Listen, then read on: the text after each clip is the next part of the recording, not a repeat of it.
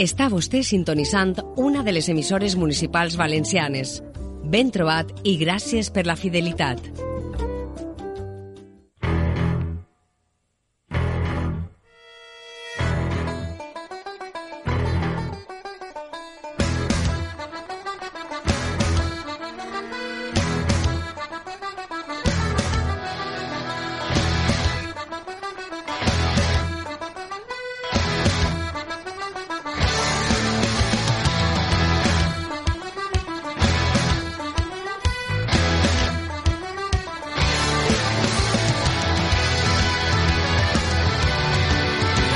Bona vesprada i bon 2023 a totes i tots. Estem de tornada, també donant la turra de cine i sèries en este any nou que entra bateries carregades per afrontar estos mesos que venen per davant, que ja pararem poquet, per cert, eh? ja tenim poques vacances eh, a, a la vista.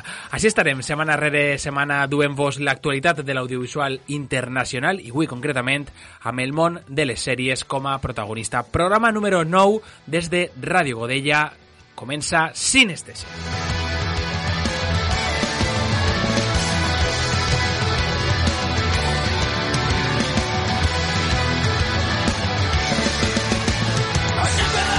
Has notat, Lluís, que per entrar avui estava fred, eh? Això de parar tres setmanes no, no, no anem a tornar a fer-ho. És que hem parat, hem menjat molt, Sí, estem molt. pesats, estem eh, desubicats.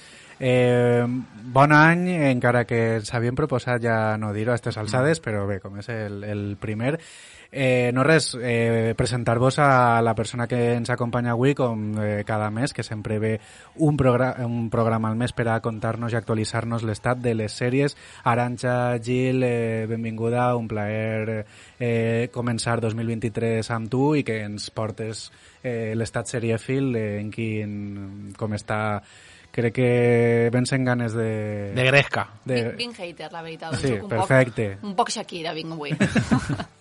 Bueno, de Shakira és que crec que ens ha influenciat a tots, és com... Sí, sí, venim amb el hype molt, molt, molt cap amunt. Eh, Aranxa, conta'ns un poquet de què vas a parlar o què vas a criticar o què vas a... Que, en què va, ens vas a delectar. Malauradament, vinc amb una cosa que vas dir que no faria mai, que és molt Netflix. Tot el que porta d'avui és Mhm. Netflix. Sí que vos he de dir que vinc en una sèrie que a mi m'agrada moltíssim. Dos que són horripilants i que vinc a criticar-les directament perquè no entenc a la societat, o sigui, no entenc per què estan tenint tan bones crítiques i després hi ha una que està ahí a meitat camí que no és una sèrie per a tots. Bueno, o sigui, tindrem eh, No està de mal, no està tots mal. els colors. Vale. Aleshores, eh, estarà, I estarà crec que nosaltres hem vist alguna. Sí, sí, sí. Perquè Podem, entrar o no entrar Sí, podrem- amb l'espasa o abraçar a, a Aranxa. Ja, ja, ja veurem.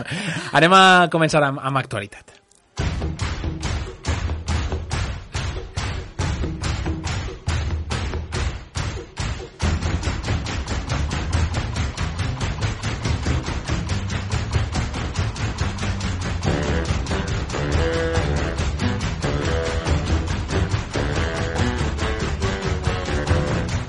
Això ja dona bona energia. Eh? Sona Ara la millor, sí, sí, la millor banda sonora segons els Globus d'Or, corresponent al treball de Justin Hurwitz per al Babylon, del seu amic Damien Chazelle, que sempre eh, demostren entre els dos que música i, i cinema, la veritat és que ho fan molt bé. Pega, Després de, pega molt bé tot. de La La Land me dona la sensació que Damián Chazelle no ha continuat anant cap a dalt la seva carrera. Sí, però pareix ser que Justin no, Hurwitz sí. Ho està, no, no, ho està, i, i Damián Chazelle també ho ha petat, no? Però que, que m'esperava com a anava a ser un director que anara a marcar el ritme dels pròxims anys i no, no m'ho pareix. De Justin Hurwitz la veritat és que me flipa tot, tot el que fa. No hem vist eh, Babylon, però sí que està parlant la gent de que està menyspreant-se per això que dius tu, que pareix que la tendència de, de Damien Chazelle és cap a baix, però que podríem estar parlant d'una de les pel·lícules de, de la dècada.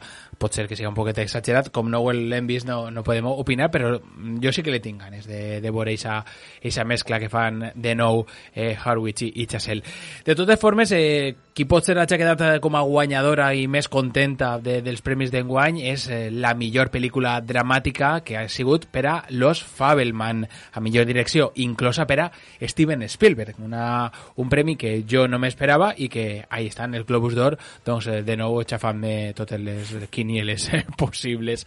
Los Fabelman, que Lluís, dèiem eh, fora de micro que, que ara tenim encara més ganes, i no pel premi, sinó perquè pareix que s'està com eh, coent ahí un, un algo que, que, que sí que apetís A, veure. a mi m'han entrat ganes perquè directament no en tenia i eh, Steven Spielberg és un mestre i saps que... Però la seva tendència en els últims anys era pel·lis un poc més avorrides, més tostons i, i ja no és el director tan dinàmic o que esperes sempre en candeletes la seva última pel·lícula.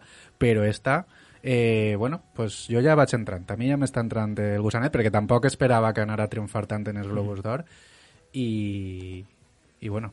També s'ha dit que els Globus d'Or en els últims anys, Sí. en els últims anys de la seva existència té una trajectòria un poc complexa. O sigui, este any... En... L'antesala de los Oscar. Uf, en les, en les seues cases, és que, és que m'imagino volia dir-ho és. d'una altra vegada. O sigui, recordem que en l'any 2020 i 2021 van guanyar dos dones el Premi a Millor Direcció, però este any ni en Millor Direcció, ni en Millor Pel·lícula Drama, ni en Millor Pel·li Comèdia, és a dir, 15 candidatures, no hi ha cap dona nominada. És a dir, que tornaven per a fer les coses millor després de l'any passat, que es va quedar en blanc, perquè recordem que estaven ahí immersos en un escàndol, que s'havien comprat vots, que si eren una associació molt blanca, etc.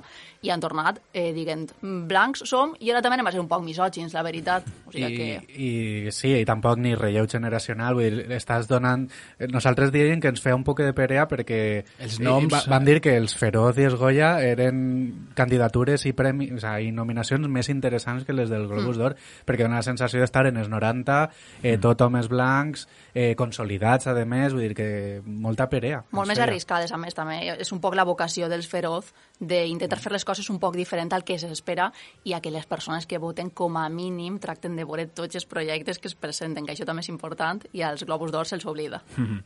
El llistat, eh, bé, és, sí que ens parem un poquet després a, a millors eh, sèries, perquè tenim així a Aranxa, però simplement eh, dir que Almas en pena de Inisre- Iniserin doncs s'ha dut també tres guardons, millor pel·li de comèdia, millor guió i millor actor per a Colin eh, que Farrell. me flipa També Colin flipant que Colin que Farrell a- de nou estiga per ahí. Per a mi també un dels pitjors actors en moltíssimes pel·lícules i li donen el premi. Millor actor de drama, Austin Butler, per el gran paperó que fa a Elvis, i millor actriu de drama per a Kate Blanchett per Tar. I després, la millor cançó, que això és una sorpresa que jo, almenys sí que tampoc me- m'esperava, és per a Natu, Natu. Anem a escoltar-la, per favor.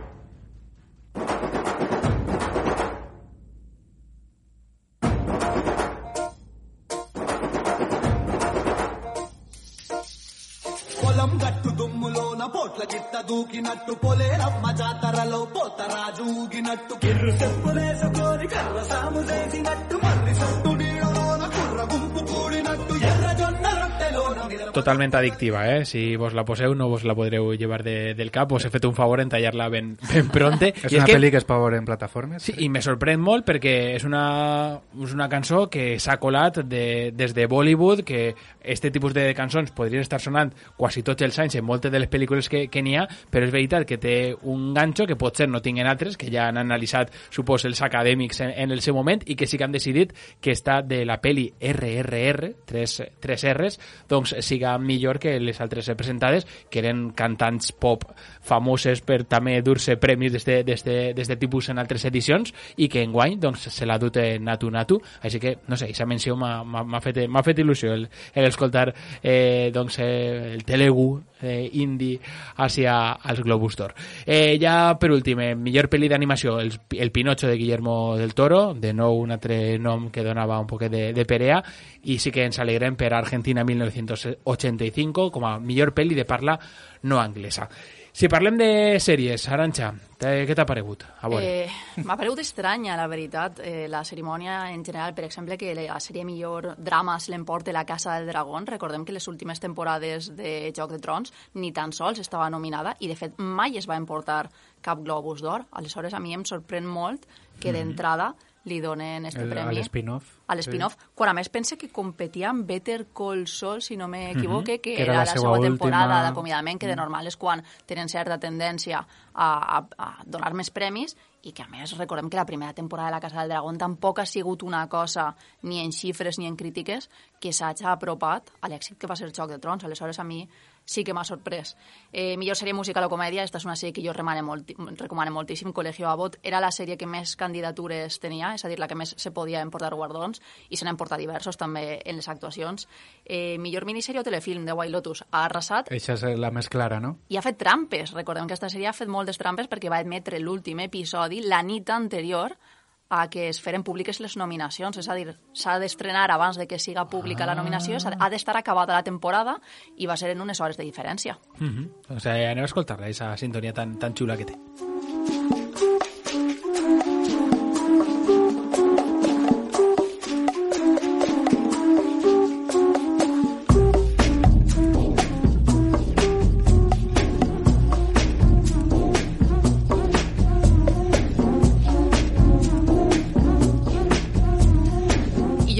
Vos va sorprendre tant com a mi, jo pensava que aquesta persona ja no estava en actiu, però resulta que sí, i a més guanya premis. Kevin Costner per Yellowstone, mm. que a més, este sí que sí competia amb Bob Odenkirk, De de, Better- de Better Call Saul, sí. i amb Diego Luna, de Andor, que ha fet una molt bona temporada, aleshores sorprèn moltíssim que li donen el premi a este home, com no sorprèn que Zendaya s'emporte millor actriu de sèrie drama per Eufòria, que per cert ella va decidir que no anava a la gala, no anava a recollir el guardó.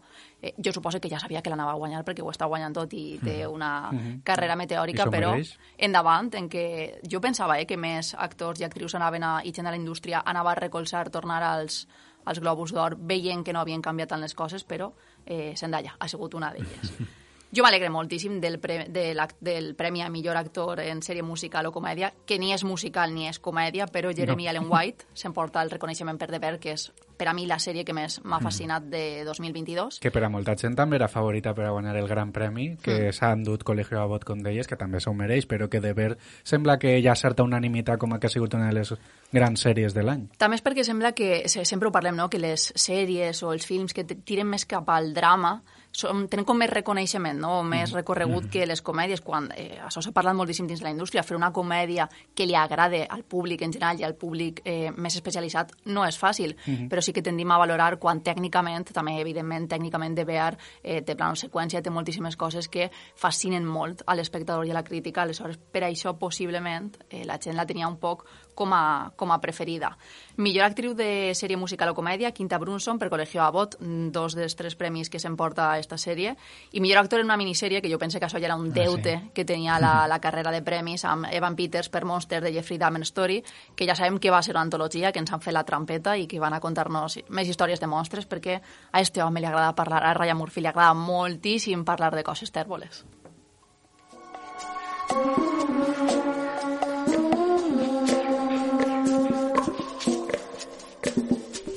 Jo vaig eh, per darrere un any, jo he de dir que he aprofitat els Nadals per veure Ted Lasso, que de veritat estic emocionadíssim de per què no puc tornar a veure Ted Lasso com si no l'haguera vist encara i em veig molt a Lluís perquè encara no l'ha vist.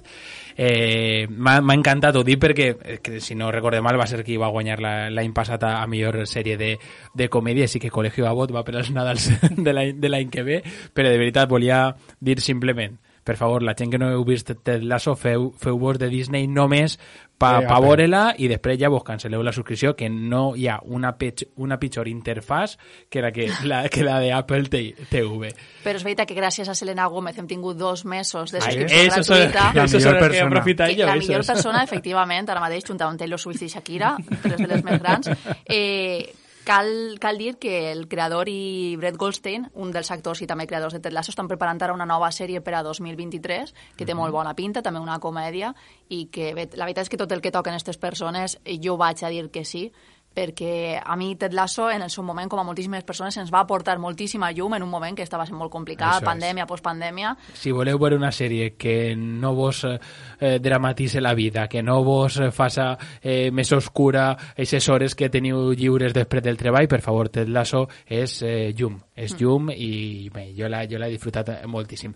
Res, només volia, volia esmentar-ho, després continuarem parlant de, de sèries, supost. eh, de l'actualitat. Eh, simplement un, un apunt, Lluís, eh, el tema de l'actualitat també d'esta setmana és que han eixit ja les dades d'espectadors de cinema en este passat 2022 i després de Madrid i Barcelona està València i després està Alacant.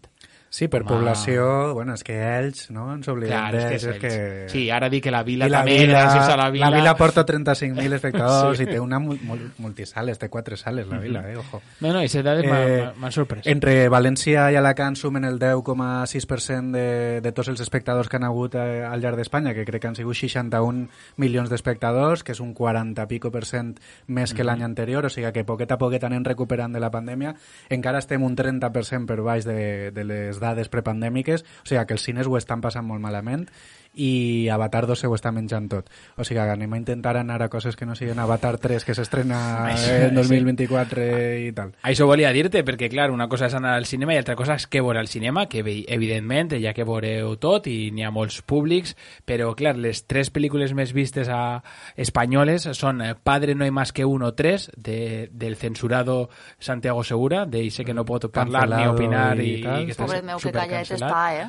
Tadeo Jones 3 també ha sigut la segona peli eh, més vista i Los renglones torcidos de Dios la, la tercera. Això pel que fa al cinema espanyol. I les pel·lis internacionals, Avatar 2 ha sigut la més vista, només eh, comptant una setmana de, de projecció, eh, Minions, el origen de Gru i Jurassic World, Dominion, les, les més vistes.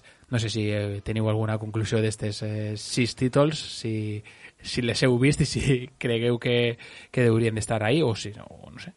Efectivament, és el que dius, que al final el cinema eh, està obert a tots tipus de públic, que a, ens agraden diferents tipus de pel·lícules. Jo mai vaig a dir que n'hi ha un cinema per damunt d'un altre, però sí que és cert que és el que diem, que els cinemes no solament viuen de les pel·lícules grans, però sobretot els cineastes i els que s'arrisquen a fer projectes que no tenen tant de recorregut, el que necessiten és que la gent vagi a veure les seues pel·lícules. Tenim Mm. molt bons creadors i creadores així, com per a que eh, la pel·lícula de Santiago Segura siga la més vista Mm. de l'any anterior. També parla de- d'anar al cinema eh, en família, no? o acompanyats, eh, o els xiquets i xiquetes com que aporten també molt a, esta, a estos rànquings i a, este, i a, estes, i a estes xifres, perquè eh, Padre no hay más que uno i Tadeo Jones, doncs vas eh, normalment amb tota la família, són quatre o cinc persones i possiblement les pel·lícules indie o les pel·lícules més eh, d'autor, doncs podries anar fins i tot tu a soles, no? I això també eh, comptabilitza després a l'hora de, de, de, de, de fer este tipus de, d'estadístiques. I també és important la facilitat que tens per a trobar una pel·lícula. Recordem que moltes de les pel·lícules un poc d'autor o més independents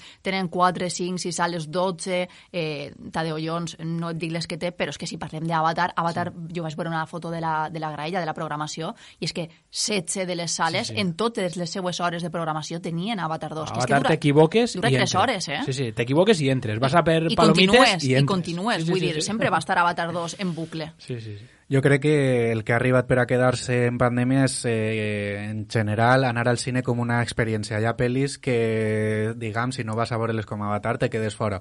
A xicoteta escala hi ha altres que ho han aconseguit, com Asbestas, que també ha sigut un, un èxit dins de Sorogoyen, que sempre ell se queixa que en Espanya tampoc... Però estem parlant de que igual ha recaudats 4 milions d'euros, que vull dir que no és una cosa eh, molt boja. I, i jo crec que hi ha que reivindicar l'anar al cine també, igual que se reivindica consumir en comerç local i no ajudar a les grans eh, multinacionals, eh, en el cine crec que passa exactament el mateix. Si deixem de veure pel·lis com El agua, La innocència, eh, La maternal, etc al final ja no podrem consumir històries de proximitat. Eh, al final haurem de, obligatòriament, tirar altres mirades i, i perdre cada vegada més la, la nostra propio, les nostres pròpies històries. No les podrem contar, haurem d'eixir fora per a poder fer cine i, i, i bueno, al final no, per sort no és tot cine i les plataformes també han ajudat a revitalitzar eh, moltes produccions i, i han facilitat que, que l'estructura audiovisual estiga més forta. Però eh, no deixem que hi hagi una mirada única i un només un tipus de cine. Doncs eh, estic molt d'acord amb aquesta amb esa conclusió que fem d'estes estadístiques eh, de 2022. Anem breument amb les estrenes de, de la setmana que hem destacat dos de totes les que, les que arriben. ¿Por qué te da miedo salir solo? No lo sé. Supongo que porque no puedo. Mateo, a ti no te da miedo salir sola a la calle, lo sabes, ¿no? A ti te da miedo separarte de tu madre.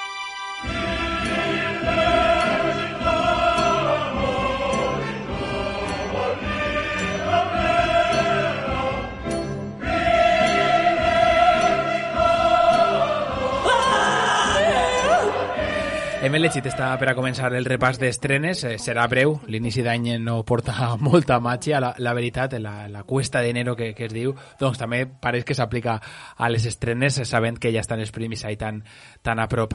Parlem de, de La Piedad, Lluís, d'Eduardo de, Casanova, un nom que malauradament, i me dona molta ràbia, que sempre estiga en el trending topic i mai per la seva pel·lícula, sinó perquè hi ha gent que se molesta per tot i que tot el que se puga dir en una una promo de peli, doncs eh, o se trau de context o simplement s'aprofita per a criticar el cinema espanyol o el cinema un poc més alternatiu o personatges que al millor no, no te cauen bé i aleshores aprofites per a parlar d'altres coses que no són la piedat i és, és cinema, art, no? Però bé, eh, Eduardo Casanova sempre un personatge però que a mi me, me, me cau bé. Sí, eh, jo crec que és, és interessant independentment de que t'agrada el seu cine.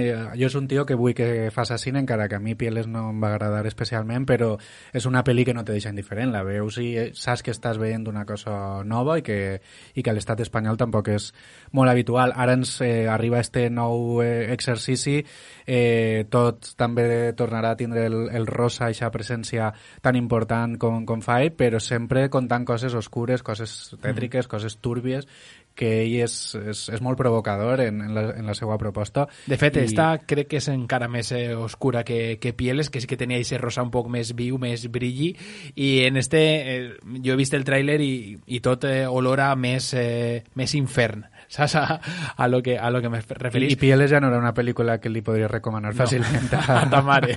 sí. Eh, en, este, en este cas, eh, doncs, eh, hi doncs, eh, pues això, molt d'humor negre, però també molt d'escatologisme, explicitat eh, en moltes coses, i aquesta relació tòxica entre mare i fill i com esdevé esta quan li diagnostiquen càncer al fill, al menut. Jo espero que no n'hi hagi boques que són cools eh, perquè ja ho feien els seus curs, després en Pieles, i... A algun detallet hi haurà. A mi me donava molt de fàstic. Jo sí que he vist eh, algun parto que sí que és explícit, sí que eixen imatges, pues, com, com sempre fa ell, suggerents, però al mateix temps eh, provocadores i, i que deixen un poc incòmode al, al, a l'espectador, però és el seu estil, és el seu, la seva forma d'entendre-ho de, i, i cal entrar o no cal entrar. Eh, va estar en Sitges, va tindre molt bona acollida, és un festival que també se dona per a, per a so, però bé, eh, jo confie, tot i que estic d'acord en Lluís en que eh, Pieles no va ser de... no és el meu estil, no, no sóc el públic pot ser eh, que, que estime aquest tipus de pel·lícules.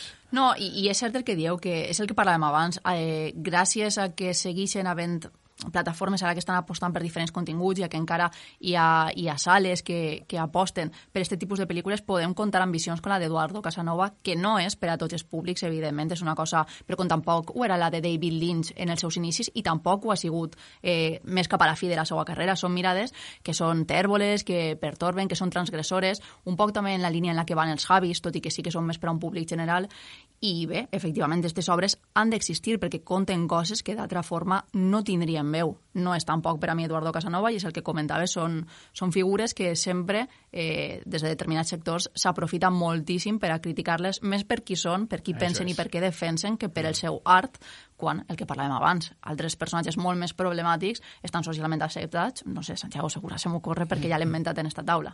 Aleshores sí, evidentment eh, han de seguir tenint recorregut. I aquí, Eduardo, te bancamos, així tampoc volem tindre fills ni filles, que el món s'acaba i això és una, una verda tot.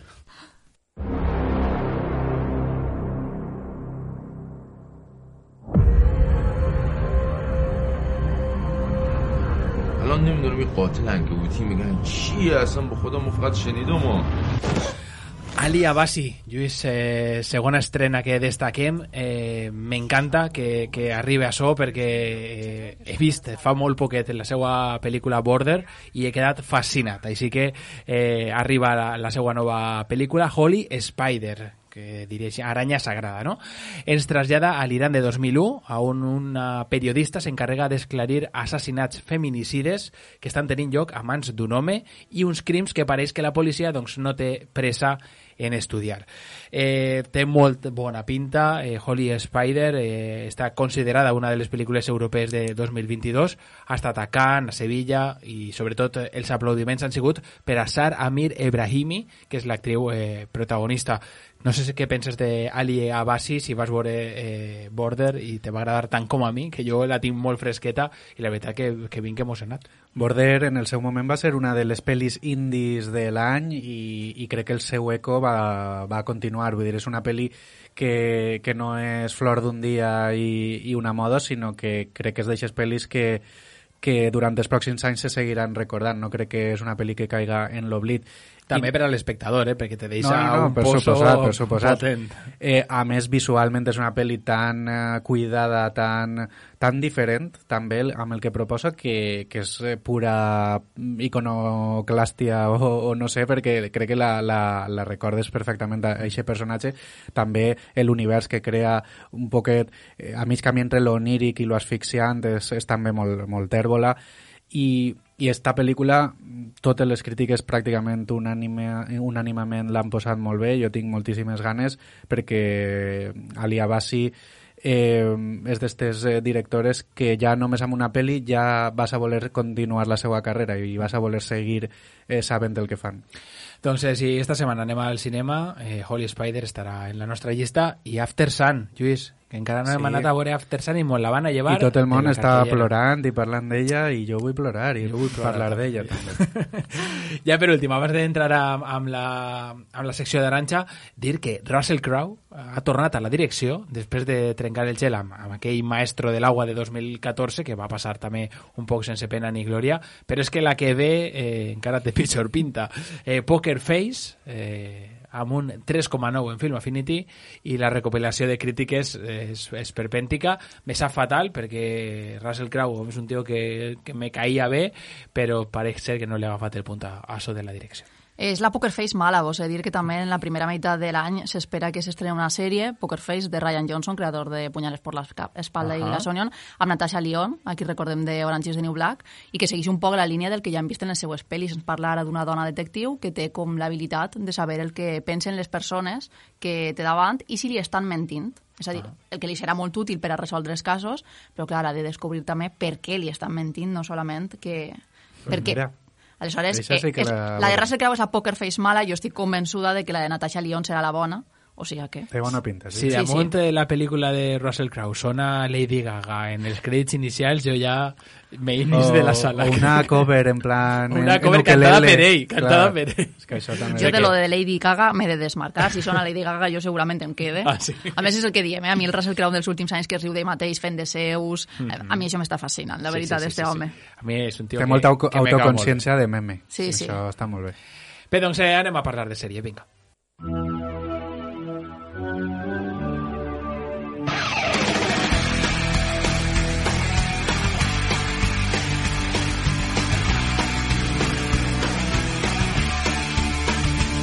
Aranxa, ja sona la teua banda sonora preferida, ja també la nostra. Eh, amb què comencem? Este...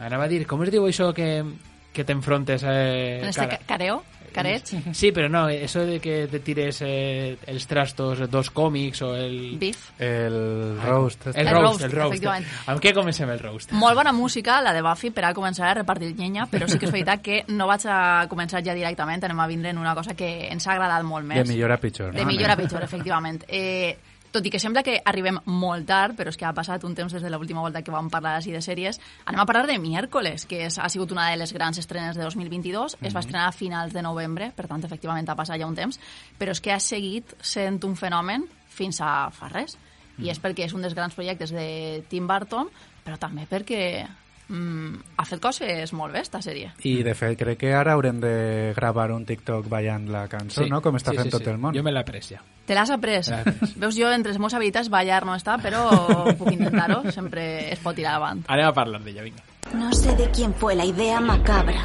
de meter a cientos de adolescentes en colegios sin presupuesto, dirigidos por gente cuyos sueños se rompieron años atrás. Pero admiro el sadismo. No pienso confesarle a mi hermano que últimamente no paro de tener visiones. Aparecen de repente. Me recuerdan a la terapia de electroshock. Nunca más. No es un colegio cualquiera. Es un lugar mágico. No me interesa seguir vuestros pasos. Ni ser la capitana de esgrima, ni la reina del baile negro, ni la presidenta de espiritismo. Me dais ganas de vomitar. Y no en el buen sentido. Cariño, nosotros no te hemos expulsado. La familia de ese chico iba a denunciarte por intento de asesinato.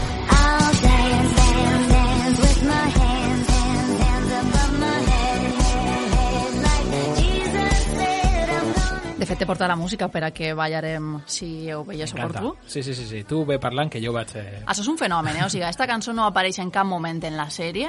Eh, es va viralitzar perquè unes xiques van començar a fer un ball que Jenna Ortega, que és l'actriu que interpreta Miércoles, fa en la, en la Mm. sèrie, amb una altra música completament diferent, que també és meravellosa, i un fenomen, de fet, tant ha sigut així que Lady Gaga ha rellançat aquesta cançó en França com a single fa un mes, és a dir, eh, absolutament increïble, i Netflix també l'ha aprofitat, efectivament, per a parlar de la renovació per a una segona temporada de miércoles que eh, les seues xifres ja ho vaticinaven. Set setmanes ha estat en el primer lloc del més vist de la plataforma i ha sigut superat per la segona temporada de Ginny i Georgia, que és una sèrie que sembla que ningú veu, però que si efectivament està en el primer lloc és perquè sí deuen estar fent-ho. Es queda eh, miércoles en un tercer lloc en l'històric d'èxits, amb 82 hores pràcticament de visionat, darrere del Joc del Calamar, que va ser, ja ho sabem, el gran èxit de la plataforma, sobretot inesperat, i la temporada 4 de Stranger Things, que va fer trampa perquè estava dividida en dos parts i Netflix ha sumat les hores. Aleshores, eh, és un poc de trampa. Eh, la família Adams eh, sempre ha despertat fascinació pràcticament en, en diferents generacions, en tot el públic, des de la primera volta que en els anys 60 ens vam apropar a esta sèrie, però que el seu moment àlgid el va, el va alcançar en 1991, quan vam tindre esta pel·lícula amb Angelica Houston, Christina Ricci i Christopher Lloyd, entre altres, que era molt difícil eh, recollir este testimoni i atrevir-se a fer una, una nova versió perquè havia estat nominada als Premis Oscar, havia estat nominada als BAFTA, als Golden Globes, és a dir, que havia tingut molt d'èxit en les seues dos parts. I què trobem ara? Trobem una actualització de la filla de Morticia i de Gómez Adams. En este cas, es centra en la figura de Miércoles, que per a mi sempre ha sigut la més carismàtica de la família. Totalment. La veritat i és interpretada, ja ho hem dit, meravellosament per Jenna Ortega, que s'ha preparat moltíssim per al paper. Aquesta actriu la recordàvem per fer de menuda. Jo no sé si coneixeu la sèrie Jane the Virgin, però era la versió menuda de la protagonista. Mhm. És una xica d'ascendència latinoamericana i bé, s'ha preparat moltíssim per al paper, mm, l'ha abordat i ara eh, sí que sembla eh, que s'està intentant desvincular un poc això perquè l'hem vist en els Globus d'Or fent algunes recomanacions de cine francès dels anys 70, és a dir, està dient, sí, a veure... Ella veu el percal de vaig Clar. estar sis anys fent això i Sí, està, no... està veient un Dan Radcliffe i un Harry Potter Legend i s'està atabalant un poc la, fa. la xavala. Però és de veres que pràcticament totes les... No hi, no hi ha crítica positiva que no la mencione. Vull dir, és impo... inclús les negatives diuen, bueno, la sèrie tal i qual, però Gina Ortega està meravellosa, tal. Eh, la veritat és que està perfecta en el paper. Sí, és una sèrie que també té molts haters, eh? a mi m'ha sorprès. Jo us he que a mi d'entrada m'ha agradat moltíssim, li trobe cosetes que ara comentarem perquè sé que, que l'heu vist, però té presències eh, importants. Gwendolyn Christie, qui també ve de Joc de Trons, fa un paper en el que està molt bé, Fred Armisen, Emma Myers, i trobem una cosa que és meravellosa, a Cristina Ricci, això no és cap spoiler perquè ja de en tots punta, els llocs. pèls de punta. Cristina Ricci reprenent o retornant a la franquícia que la va llançar a l'estrellat, ara en un paper eh, ben diferent, però també molt protagonista. Molt important. I és un encert, eh, comptar amb ella per a, per a esta sèrie. I a més hi ha alguna referència que parla del futur de, de miércoles en la sèrie de dir ja, ja quan sigues major ja veuràs eh, quin, on estaràs o fa alguna referència de, Mm. de, la, seua, de la pròpia Cristina Ricci al personatge de, de, de miércoles que jo crec que ahí està també clavat no? el, el huevo de Pascua que se llama, Sí, no? el easter egg. no? de, de esa referència. És la miércoles del futur, la veritat, es, i està dient cap es. a on van anar les coses. Eh, és una sèrie de la que se li ha criticat molt que té cert to adolescent. Clar, els seus responsables són Alfred Gough i Miles Miller, qui són també els creadors de Smallville. Eh, clar, això s'havia de notar perquè Smallville és un dels grans referents de cine adolescent, bueno, de cine, no, perdona, de sèrie adolescent de superherois, i qui està també darrere d'aquest projecte és Tim Burton, a qui li queda molt bé este món. És també qui dirigeix els quatre primers episodis, es nota moltíssim la seva marca en aquests quatre primers, de fet, per a mi són eh, la sèrie va de més a menys, Mhm. això és una realitat, i té un pilot absolutament espectacular, a on auna un poc tot el clàssic del gènere i recorda molt a, a estes sagues de col·legis, Hogwarts, Percy Jackson, els Jocs de la Fam, clar, eh, entra dins completament del gènere, té també molts elements representatius del cine de Tim Burton, este de xoc de colors, les ombres contra eh, la paleta cromàtica superàmplia, que li queda tan bé al personatge de Miércoles Adams que ella és un poc la foscor i les ombres eh, contra el món, no? Ella ho diu en la sèrie, que, que té al·lèrgia als colors. Mhm. Clar, això ho explota moltíssim eh, Tim Burton. No sé què vos ha paregut a vosaltres, eh? l'heu vist sencera? Sí. Sí. Jo, sí, jo també, i penso igual, eh, els quatre primers capítols eh, me van agradar més que els quatre següents, també perquè crec que el guió se- s'anava... Desdibuixant. Sí, eh, conforme, ja ho veies vindre un poquet per on anaven els tirs i, i de més. Crec que és una sèrie molt ben plantejada, eh, proposa tot un univers que té moltes possibilitats de creixement i a més crec que ho dona tot sabent que va per a Netflix saps que el teu públic doncs, és, és també d'eixe rang d'edat i, i crec que crec que mm, amplia l'univers de, de, de la família Adams proposant eh, tots els personatges que poden haver en aquesta escola, diguem, de marginats i de gent problemàtica, que al final ho són perquè tenen com eh, condicions físiques que no poden controlar o tenen su- superpoders d'alguna manera i, i jo crec que això eh, és com un poc com lo de Hogwarts, no? de, vale, eh, jo de quina escola sóc? Crec que això genera com molta fidelitat Mm. a un espectador, no? És com tens moltes ganes d'identificar-te amb uns o amb altres i després està, el càsting està molt ben treballat, o sigui, està, està, és una sèrie que està molt ben feta. I m'agrada que tampoc escatima en coses truculentes. Quan ha de mostrar vi El violència... monstre és un monstre que és un dels monstres que més por m'ha donat a mi. És un I estem parlant d'una sèrie, a lo bèstia. com deies, eh, eh, de, per a un rango d'adolescents eh,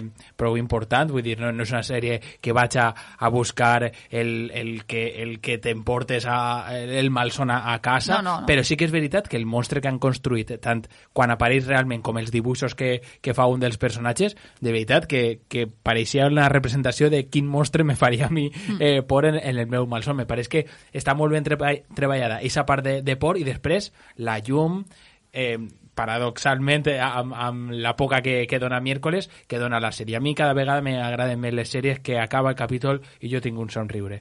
I el personatge de, ella, de la companya de, La seva nèmesi. la seva Claríssimament. que és tot color eh, de, de l'habitació. Me pareix fascinant, el seu amic de les abelles me, me crea molta ternura i al final és com que se va construint un món que vols estar en ell. I és, estava a favor de, eh, amb Lluís de, de, això, de voler saber més, de, de contar quin és el teu equip preferit, de repent tots se, se unen i, i tots volen el bé comú i és com que acabes en una alegria sempre eh, al veure un capítol que, que s'agraeix molt. I no presenta res novedós perquè ens torna a posar davant d'esta dicotomia de monstres versus humans. Al cap i a la fi, en Evermore és una acadèmia on van persones, com hem dit, que tenen condicions físiques especials, però bàsicament que són considerats monstres per la societat. Trobem meduses, trobem vampirs, trobem Hyde, que és, és, és un dels personatges més importants d'esta primera temporada i que no ha sigut tan retractat en el món de, del cinema i de les sèries, si més en la literatura, és el Hyde, de Jekyll i Mr. Hyde. M'agrada moltíssim, com hem dit, este, esta mitologia que ens presenta.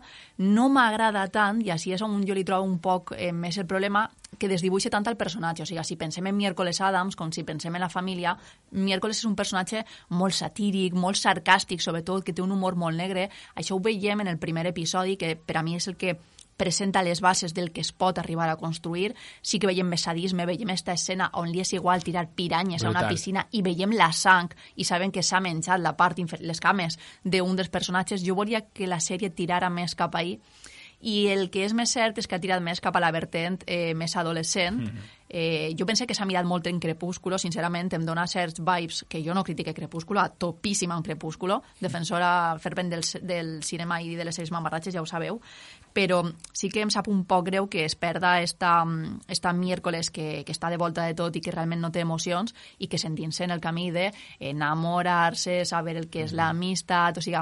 Però li costa també arribar. Vull dir, jo Clar, sí li que costa me una crec- temporada, vuit jo sí que- episodis. No, però sí que me crec l'evolució no és tan ràpida com podríem millor veure en una altra sèrie. A mi sí que me va agradar aquesta evolució, tot i que segurament... És estranya, eh, el perquè- teu gust eh, eh, està dient-nos no, que, que el que vols que, és que sempre també odie, perquè ella sempre odiava. Clar, perquè no? portem 40 anys coneixent a la família Adams, quasi 50 ja, i hem vist que Miércoles no evolucionava cap a cap tipus de mostrar emoció o feblesa, i així en la sèrie ho veiem en els primers quatre episodis.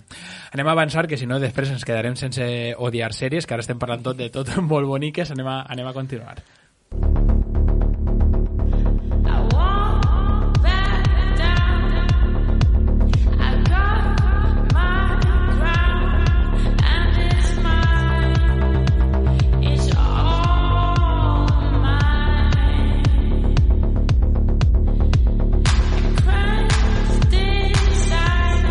Anem a parlar de Copenhagen Cowboy, que és una cosa que encara no sabem massa bé com el seu creador eh, li ha colat a la plataforma, a, a Netflix. Eh, Nicholas Winding Refn és l'artífex del film de cult Drive, protagonitzat per Ryan Gosling, i posteriorment també per The Neon Demon, amb Elle Fanning. Ell, per cert, és qui ens va descobrir a Mads Mikkelsen en esta trilogia que va fer quan va endinsar-se en el món del cinema, Pager, que ell sempre ha comentat que la primera pel·lícula la va fer perquè va voler i la segona i la tercera va, la va fer perquè devia dos milions d'euros del moment i que aleshores havia de pagar deutes. I ha reconegut que passar mm, per aquella situació d'haver de crear cinema eh, de la forma que no volia, és a dir, sent un poc més, més popular per a, per a aconseguir tirar endavant, li ha ajudat molt a saber el que ara vol contar, que pràcticament és el que el públic no vol veure. Sí, perquè molt popular no és. No, no és. I no, Copenhagen Cowboy, la veritat és que ens presenta un univers jo crec que molt més extrem del que hem vist en les, en les últimes pel·lícules de, del cineasta. Torna a la seva Dinamarca de natalici. En els últims anys ella està rodant en Los Angeles perquè, ho ha contat, és una ciutat que l'horroritza i el fascina a parts iguals i que això eh, el fa poder, poder escriure millor. Eh, li la va colar a Amazon Prime Video amb 13 hores de silencis infinits i, i enquadres hipnòtics en Too Old to Die Young, que ella ha contat que això li ho va colar perquè un dels, dels que eh, gestionaven la plataforma estava obsessionat amb les seues pel·lícules i que fins i tot projectava en la seva pròpia casa com si fora videoart escenes de, li, de les pel·lícules d'este home. Aleshores li va dir, jo trauré endavant una sèrie. Va canviar la directiva d'Amazon i va tornar ell i dient, mira, ja tinc la sèrie enregistrada i els directius, quina sèrie? O sigui, de què m'estàs parlant? I com ja la tenien, varen tirar avant i li van dir, l'anem a soterrar en el nostre catàleg. I ell digué, eh, això en l'època d'internet no pot passar. Clar. I gràcies a això va arribar a Netflix, va signar un acord I de... crec que a més un pressupost eh, brutal, no sé tingut- si el que més, però un Cheque en dels, blanc. Cheque en blanc, o sigui, més alts. ha tingut eh, llibertat absoluta per a fer el que ha volgut. Menció especial al nostre company eh, Manu Salmerón, que dius tu que les 13 hores de silenci infinits, doncs pareix Ell que podria són- estar 40. podria estar 45 hores veient-la que és la seva sèrie preferida, així que ahí, ahí, ahí queda. Ahí queda. És una sèrie que tècnicament eh, recorda molt al director, que té molt de contrast del neó, de l'oscuritat, coses que ja veiem en Drive. Es obsessiona també molt en, en l'estètica, en, en una producció magnífica d'art, perquè recordem el, el xanda i els guanys de Ryan Gosling, però efectivament no és una sèrie per a tots, és molt lenta, és molt bruta, molt brutal, ens mostra eh, coses molt complexes de veure, però és que al cap i a la fi és, és el que és l'audiovisual que, que crea Nicolás. Se mou molt bé, se mou molt bé en ese, en ese món. Jo m'he pogut veure el primer i dic m'he pogut veure perquè és veritat que És complicat, un, és complicat. és, és una sèrie complicada de, de veure, eh, però jo l'he gaudit molt. Eh, la música és espectacular, la- l'edició de so, si te Mm. la veus amb els cascos posats, és una meravella. Eh, I ese són aquests mons d'inframont, eh, prostitució, eh, màfies i tot molt eh, truculento. I porcs. I a mi, porcs, a mi m'ha semblat que els porcs. són un protagonista més de la sèrie. Sí, eh, jo com no he vist, eh, he vist sí, només sí. el primer i sí que sé que n'hi ha, però no sé si, si continuaven com a protagonista, doncs això, ja podeu imaginar-vos eh, el món que, que retracta i la veritat és que si entres doncs eh, te'l gaudisses molt perquè, perquè és una, doncs, té, té aquesta essència Winding Reft que, que a qui ens agrada Drive doncs eh, Mm. ens agrada també en la resta, però difícil de, difícil de veure. Jo tinc una teoria que no està contrastada en ningú i que és impossible de confirmar, però crec que li va sentar molt mal l'èxit de Drive a este home. Sí. No per res, perquè crec que és un tio amb personalitat i que té una mirada molt xula però crec que la deriva que ha fet des d'eixa pel·li, que és totalment... Comer... Bueno, no és la pel·li més comercial del món, però vamos, una pel·li molt assequible, Mm. crec que és d'estos que cada volta se n'estan amb més. Vull Se n'estan amb. Mm, Però pot ser que fora per, pel que diu eh, Aranxa, eh, va fer una pel·li que està en el seu estil però no allò que voldria fer, va aconseguir el diner, va aconseguir l'èxit, ara vaig a fer el que realment m'agrada. Si se li ha anat, a lo millor no se li ha anat, a lo millor és que realment ell gaudís fent Sí, això. de fet ell ha declarat en més d'una ocasió que per a ell l'èxit com a cineasta és despertar emocions extremes en l'espectador, bé siga odi visceral o admiració més devota i efectivament Ah, és, el que, és el que està Sí. aconseguint Mhm. amb, amb projectes com Cooperant Cowboy. Yo te mandé un mensaje y con un smiley yo te estaba diciendo que quería repetir mañana mismo. ¿Qué mensaje más largo? ¿Quién era? No tengo ni idea. No, no, no sé, ha llamado desde un fijo. Habrá marcado el número directamente, se habrá equivocado en la cifra. Cogiste el teléfono y llamaste a un tío que no conoces de nada. Y al final resultó ser muy majo, ¿eh? Alex. Bruno. No, es que tendrías que verlo. No es guapo, no. Es, es, es que es un insulto que existan caras así. ¿Tú a qué gimnasio vas? No, es que yo voy al Metropolitan. Pero ahora me acabo de apuntar también al Club Natació Barceloneta por las piscinas. ¿Vas a dos gimnasios? Lo- los domingos descanso. Este tío es tonto, pero tonto de libro, ¿eh? Si tú hubieses visto mi foto en Instagram, donde fuera, ¿habrías quedado conmigo? Seguro que con esa actitud, no. Pues que no le soporto. Si es un pedante, es un snob.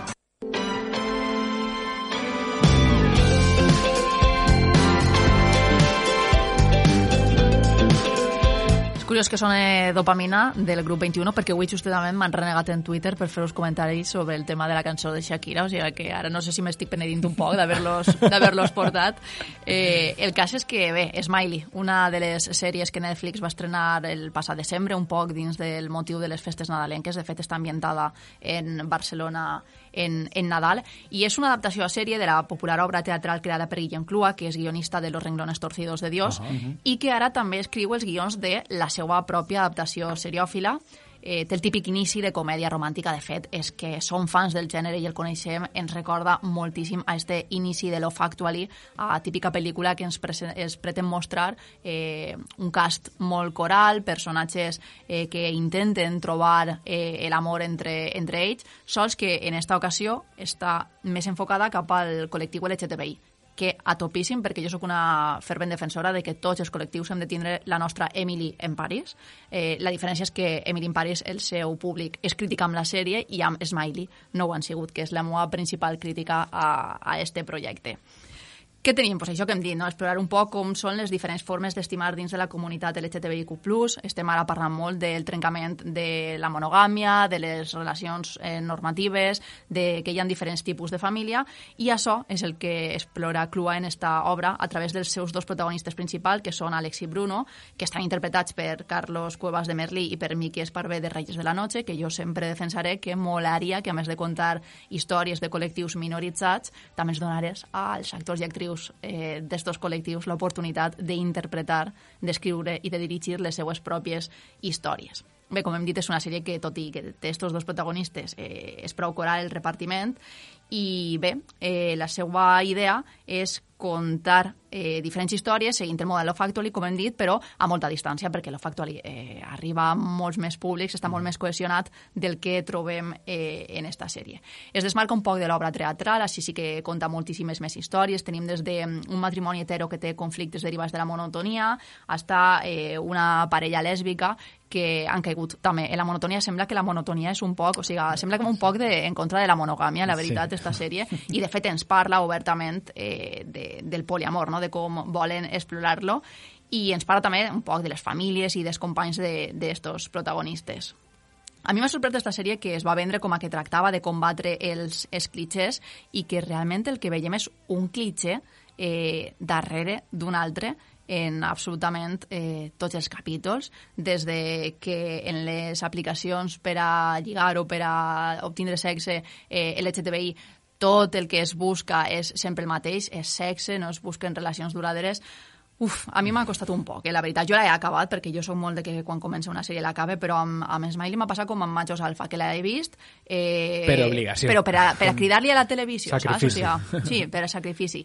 I bé, eh, el que hem comentat... Eh, està molt bé tindre tots els tipus de, tots els tipus de, de projectes dins del col·lectiu, però a mi m'agradaria que fórem crítics. És a dir, és veritat que és una sèrie que és molt fàcil de veure, però se li ha d'exigir també més. O sigui, eh, que esta siga la representació que es fa en una plataforma com Netflix, sent una de les sèries més vistes de la plataforma del mes de desembre, de les parelles del col·lectiu LGTBIQ+, a mi personalment em fa mal, perquè estàs perpetuant molts clitxers i molts estereotips contra els que altres creadors porten lluitant moltíssim de temps. Mm. Aleshores, pense que s'ha de tenir certa responsabilitat a l'hora de contar determinades històries. I Aranxa, què passa amb la llengua?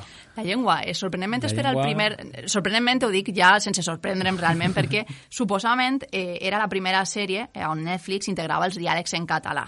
La realitat és que el dia, els diàlegs en català única i exclusivament els hem vist en tres o quatre eh, paraules soltes, però els hem vist representats en la parella hetero que ve de família burgesa, empresaris, eh, que sempre s'utilitza això com si fora la burgesia catalana eh, la que parla català i no les persones de peu. I sovint ho fan, per a, eh, ho fan en personatges als que estan ridiculitzant. O sigui, eh, el pare de la parella hetero que vol donar-li una educació més inclusiva als seus fills, ixe és el que gasta català i del qual es burlen.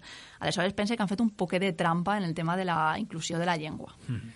Doncs mira, allà queda també la, la, la eh, tocada i a mi me sorprèn perquè aquestes coses pareixen ja com que, que de ser més, eh, eh, diguem, no sé, més naturals. Sí, també pots dir que al públic en general, sobretot al públic del col·lectiu, li agrada moltíssim. Jo, per exemple, eh, em sorprenia horroritzada de que els dos actors, tant Miqui Esparve com Carlos Cuevas, decidiren que els seus personatges havien de tindre ploma, que és com un clitxer que, que ja està molt manit i que com a apropiació és estupenda, però clar, per a fer apropiació de la ploma has de ser part del col·lectiu i cap dels dos, de, com a mínim obertament, ho són. Aleshores donen per fet que no ho són. I Pepón Nieto? Pepo Nieto està espectacular, perquè Vale. pensa que és una persona que en els últims anys sí que ja ha abraçat i ha acceptat qui és de forma oberta i pensa que fa el paper que possiblement li haurà agradat fer molts anys abans.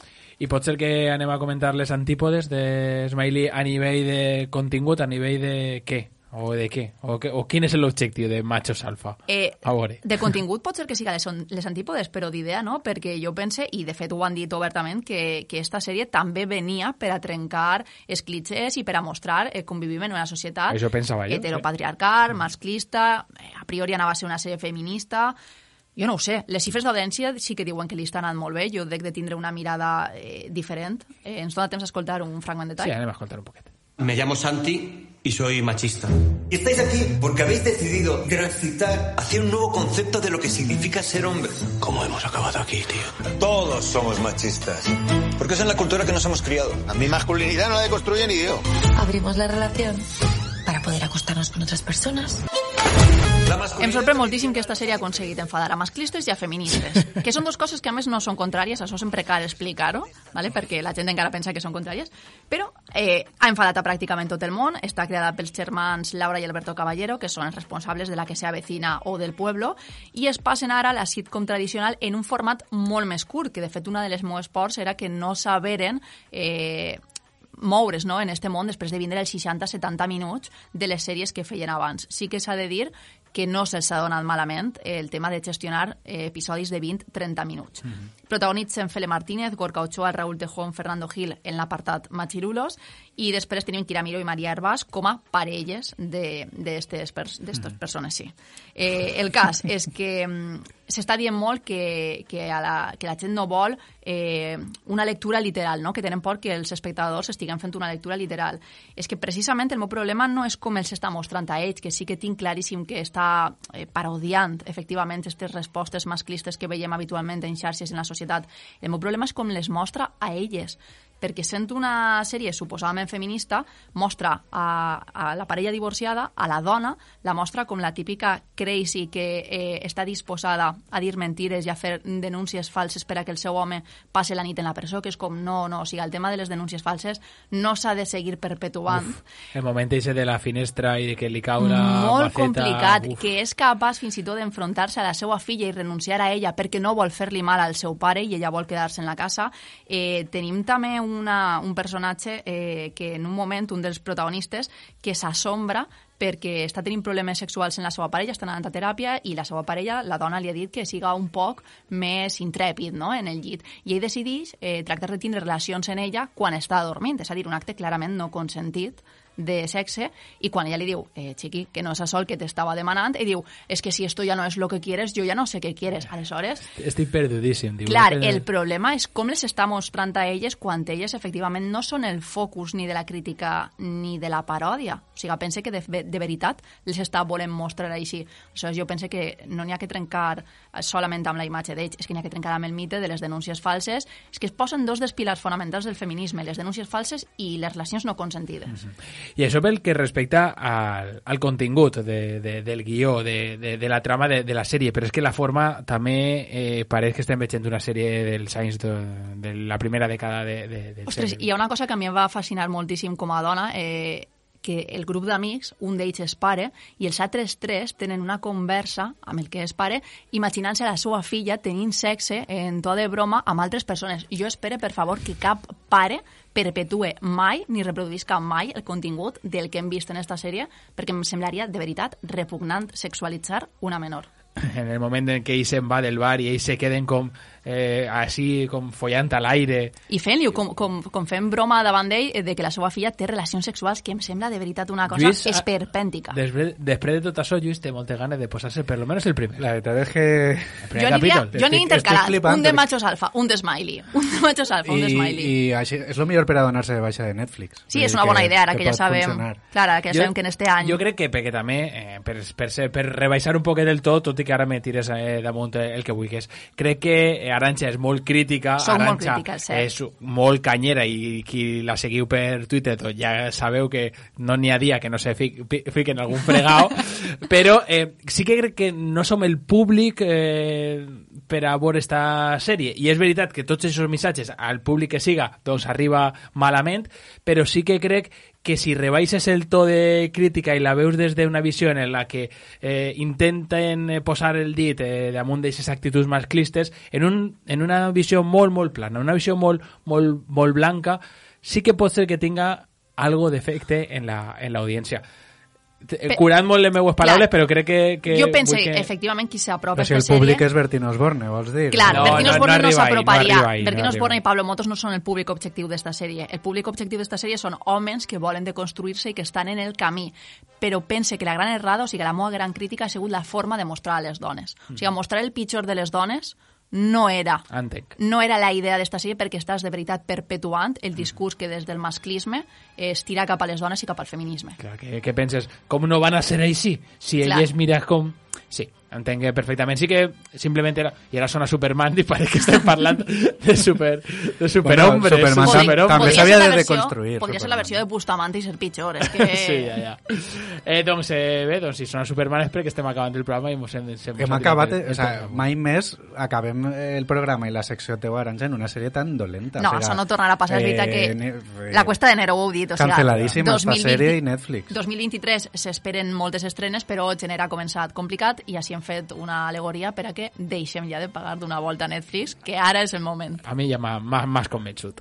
Eh, sona Superman per, alguna, per algun motiu. no, Eh, sí, ens acomiadem, com sempre, per Twitter eh, la gent ens fa arribar les seues cançons eh, proposta per a, per a poder acomiadar el programa, en este cas Kevin Jo Mismo, que ens dia que mai ens havien dit així una cançó, és tema de Superman que parece quasi el de Star Wars, però no.